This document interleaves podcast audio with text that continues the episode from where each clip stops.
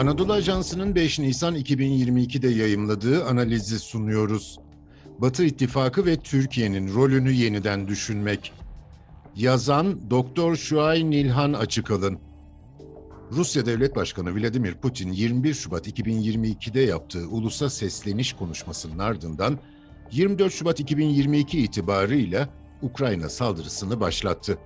Bu saldırılar uluslararası güvenlikte NATO ve Avrupa Birliği gibi başat aktörlerin hem birbirleriyle hem de Türkiye ile ilişkilerinin yeniden kurgulanacağı bir sürecinde başlangıcı oldu. Uluslararası güvenliğin kuşkusuz en temel aktörlerinden biri Soğuk Savaş döneminde ortaya çıkan NATO'dur. 1990'lardan sonra değişen uluslararası sistem ve güvenlik tehditleriyle beraber NATO önemli bir değişim ve dönüşüm sürecine girmiştir. Bu dönüşüm sürecinde kuruluşundan bugüne kadar benimsediği ve değiştirmediği en önemli prensiplerinden birisi kuşkusuz güvenliğin bölünmezliği ilkesidir. Bu ilke ile NATO'nun müttefik ülkeler arasında güvenlik konusundaki bağlayıcılık işlevi ön plana çıkarılmaya çalışılmıştır. Diğer bir deyişle Kuzey Amerika ve Avrupa savunmasının bir tutulacağı, ortak çıkarların savunulmasında üye devletler arasındaki işbirliğiyle Avro-Atlantik güvenliğinin ayrılamaz bir bütün olduğu vurgulanmıştır.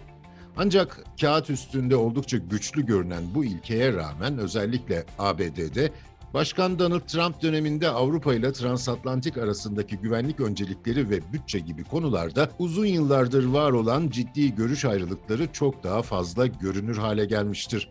Örneğin Fransa de Gaulle döneminden Sarkozy'ye kadar NATO'nun askeri kanadını protesto etmiş, 2019'da Cumhurbaşkanı Emmanuel Macron'un NATO'nun beyin ölümü gerçekleşti sözleri ise büyük tartışmalara sebep olmuştur.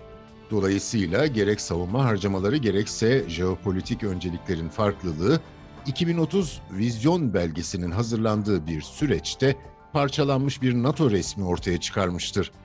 Geçtiğimiz 10 yıl içinde ekonomik, sosyal ve siyasi krizler sarmalında olan Avrupa Birliği, uluslararası sistemdeki rolü itibariyle daha içine kapanık, etkisiz bir aktör haline gelmiştir. Aynı zamanda transatlantik ve güvenlik konusundaki görüş ayrılıkları Avrupa Birliği içindeki otonomi tartışmalarını güçlendirmiştir. Uzun yıllardır devam eden kurumsallaşma ve operasyonel bir Avrupa ordusu kurulması çabaları ise 2020 itibariyle Stratejik Pusula belgesi çalışmalarına dönüşmüştür. Belgede yer alan en önemli başlıklar AB'nin NATO ile ilişkileri nasıl tanımlayacağı, yeni tehdit unsurları ve yol haritasının detaylarıdır. Özellikle belgenin ilk taslağında Rusya 2014'teki Kırım'ın ilhakına rağmen NATO'nun 2030 vizyon belgesindeki yaklaşımın aksine AB ve Rusya'yı ortak çıkar ve kültür temelinde işbirliği yapılabilecek bir aktör olarak tanımlanmıştır. 24 Şubat'ta başlayan Rusya-Ukrayna savaşı stratejik pusulanın yönünü de etkilemiştir. Rusya ile ilgili olumlu ifadelerin metinden çıkarıldığı stratejik pusula belgesinin 2022 Mart ayında kabul edilen son halinde 2030 yılına kadar daha iddialı ve kararlı bir güvenlik sağlayıcısı olmayı hedefleyen Avrupa Birliği'nin güvenlik ve savunma politikasını güçlendirmeye yönelik bir plan ortaya konulmuştur. Pusula AB'nin karşılaşacağı tehditleri, stratejik öncelikleri ve buna yönelik izleyeceği politik hedefleri belirleyen bir zaman çizelgesi içermesi sebebiyle oldukça önemlidir. Pusulada belirlenen öncelikli eylemler krizlere hızlı refleks vermek, tehditleri önceden tahmin etmek ve stratejik alanlara güvenli erişim sağlamak, ikili ve çok taraflı ortaklıkları derinleştirmek, savunma yeteneklerine ve yeni teknolojilere daha fazla ve daha iyi yatırım yapmak ve bağımlılıkları azaltmaktır.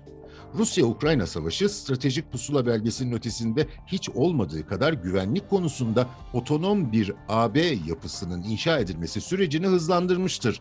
24 Şubat'tan itibaren akıllardaki en önemli sorulardan birisi de hiç şüphesiz Rusya-Ukrayna savaşının Batı ittifakı için yıllar sonra birleştirici bir unsur olup olmadığıdır. Bu sorunun cevabını iki farklı boyutta irdelemek gerekir. İlk olarak kısa vadede de Rusya-Ukrayna savaşı Batı ittifakına adeta can suyu olmuştur. Sadece NATO müttefikleri değil, Avrupa ülkelerinin neredeyse tamamı Rusya'ya karşı siyasi ve ekonomik yaptırımlar konusunda ortak politikalar benimsemiştir. İkinci boyutta ise orta ve uzun vadede bu birlikteliğin çok da sürdürülebilir olmayacağıdır. Devam eden çatışma ortamı askeri yardımların maliyetlerini artırmakla beraber Avrupa Birliği'nin derinleşen bir mülteci kriziyle karşı karşıya kalmasına sebep olmuştur. Ayrıca dünyanın en büyük ikinci enerji sağlayıcısı Rusya'ya yönelik uygulanan yaptırımların ABD'den çok AB ülkelerini olumsuz yönde etkileyeceği açıktır. Bu iki boyutta bakıldığında Batı ittifakına şimdilik can suyu olan Rusya-Ukrayna savaşının yakın gelecekte enerji, ekonomi, göç ve güvenlik konularında şimdiden ayak sesleri duyulan yeni ve çok boyutlu sınamalara neden olacağı söylenebilir. Başta Almanya olmak üzere birçok Avrupa ülkesinin alternatif enerji arayışlarına yönelmeye başladığı değerlendirildiğinde tüm alternatiflerin ilk aşamada büyük bir maliyete sebep olacağını öngörmek gerekir. Avrupa içinde enerji düzleminde ortaya çıkan bir başka durum Rusya'nın tırnak içinde dost olmayan ülkelerin Rusya'ya olan borçlarını ruble ile ödemesi kararı olmuştur. Bazı Avrupa ülkeleri bu karara tepki gösterirken bazılarının ödeme hazırlığı yapması ilk günlerdeki birlik ruhunu sarsar mı sorusunu akla getirmektedir. Son olarak 30 Mart 2022 itibariyle tahmini rakamlara göre 4 milyon Ukraynalı mülteci komşu ülkelere sığınmıştır. AB, Suriye krizinde gördüğümüzün aksine ilk günden itibaren kapılarını açmış olsa da gerek uzun vadedeki altyapı sorunları gerekse mülteci konusundaki yük paylaşımı Brüksel ve komşu başkentlerin ortak sınaması olacaktır. Rusya-Ukrayna savaşı küresel jeopolitik mücadeleleri yeni bir boyuta taşırken uzun zamandır Batı ittifakında haksız ve ikiyüzlü politikalara maruz kalan Türkiye ise Cumhurbaşkanı Recep Tayyip Erdoğan'ın kişisel dostluk, yoğun etkileşim, girişimcilik ve esneklik gibi boyutları içeren lider diplomasisindeki müthiş deneyimi ve başarısı süreçteki barışçıl ve dengeli rolüyle dünyanın gözünün Ankara'ya çevrilmesini sağlamıştır. Savaşın ilk gününden itibaren Türkiye'nin iki ülkeyle geliştirdiği çok yönlü ve derin ilişkiler temelinde taraflara itidal çağrısında bulunması, Rusya'ya yönelik yaptırımlara dahil olmaması, insani koridorların açılması konusunda izlediği politikalarla müzakerelerin bir kısmına ev sahipliği yapması başta Batı olmak üzere herkes için güvenlik ve savunma alanında vazgeçilemez ve çok önemli bir müttefik olduğunu yeniden hatırlatmıştır. Bu süreçte Türkiye'yi de önemli sınamalar ve fırsatlar beklemektedir. Rusya'ya yönelik çok boyutlu yaptırımların özellikle enerji, turizm ve ticaret bağlamında Türkiye'yi de etkileyebileceği düşünülebilir. Sınamalara rağmen Türkiye'nin diplomasisinin merkezi olarak güçlenen rolü hem AB hem de ABD ile ilişkilerde yeni bir dönemi başlatmıştır. Özellikle AB ve NATO bağlamında Türkiye'nin güvenlik mimarisinin vazgeçilemez bir aktörü olduğu yeniden anlaşılmıştır.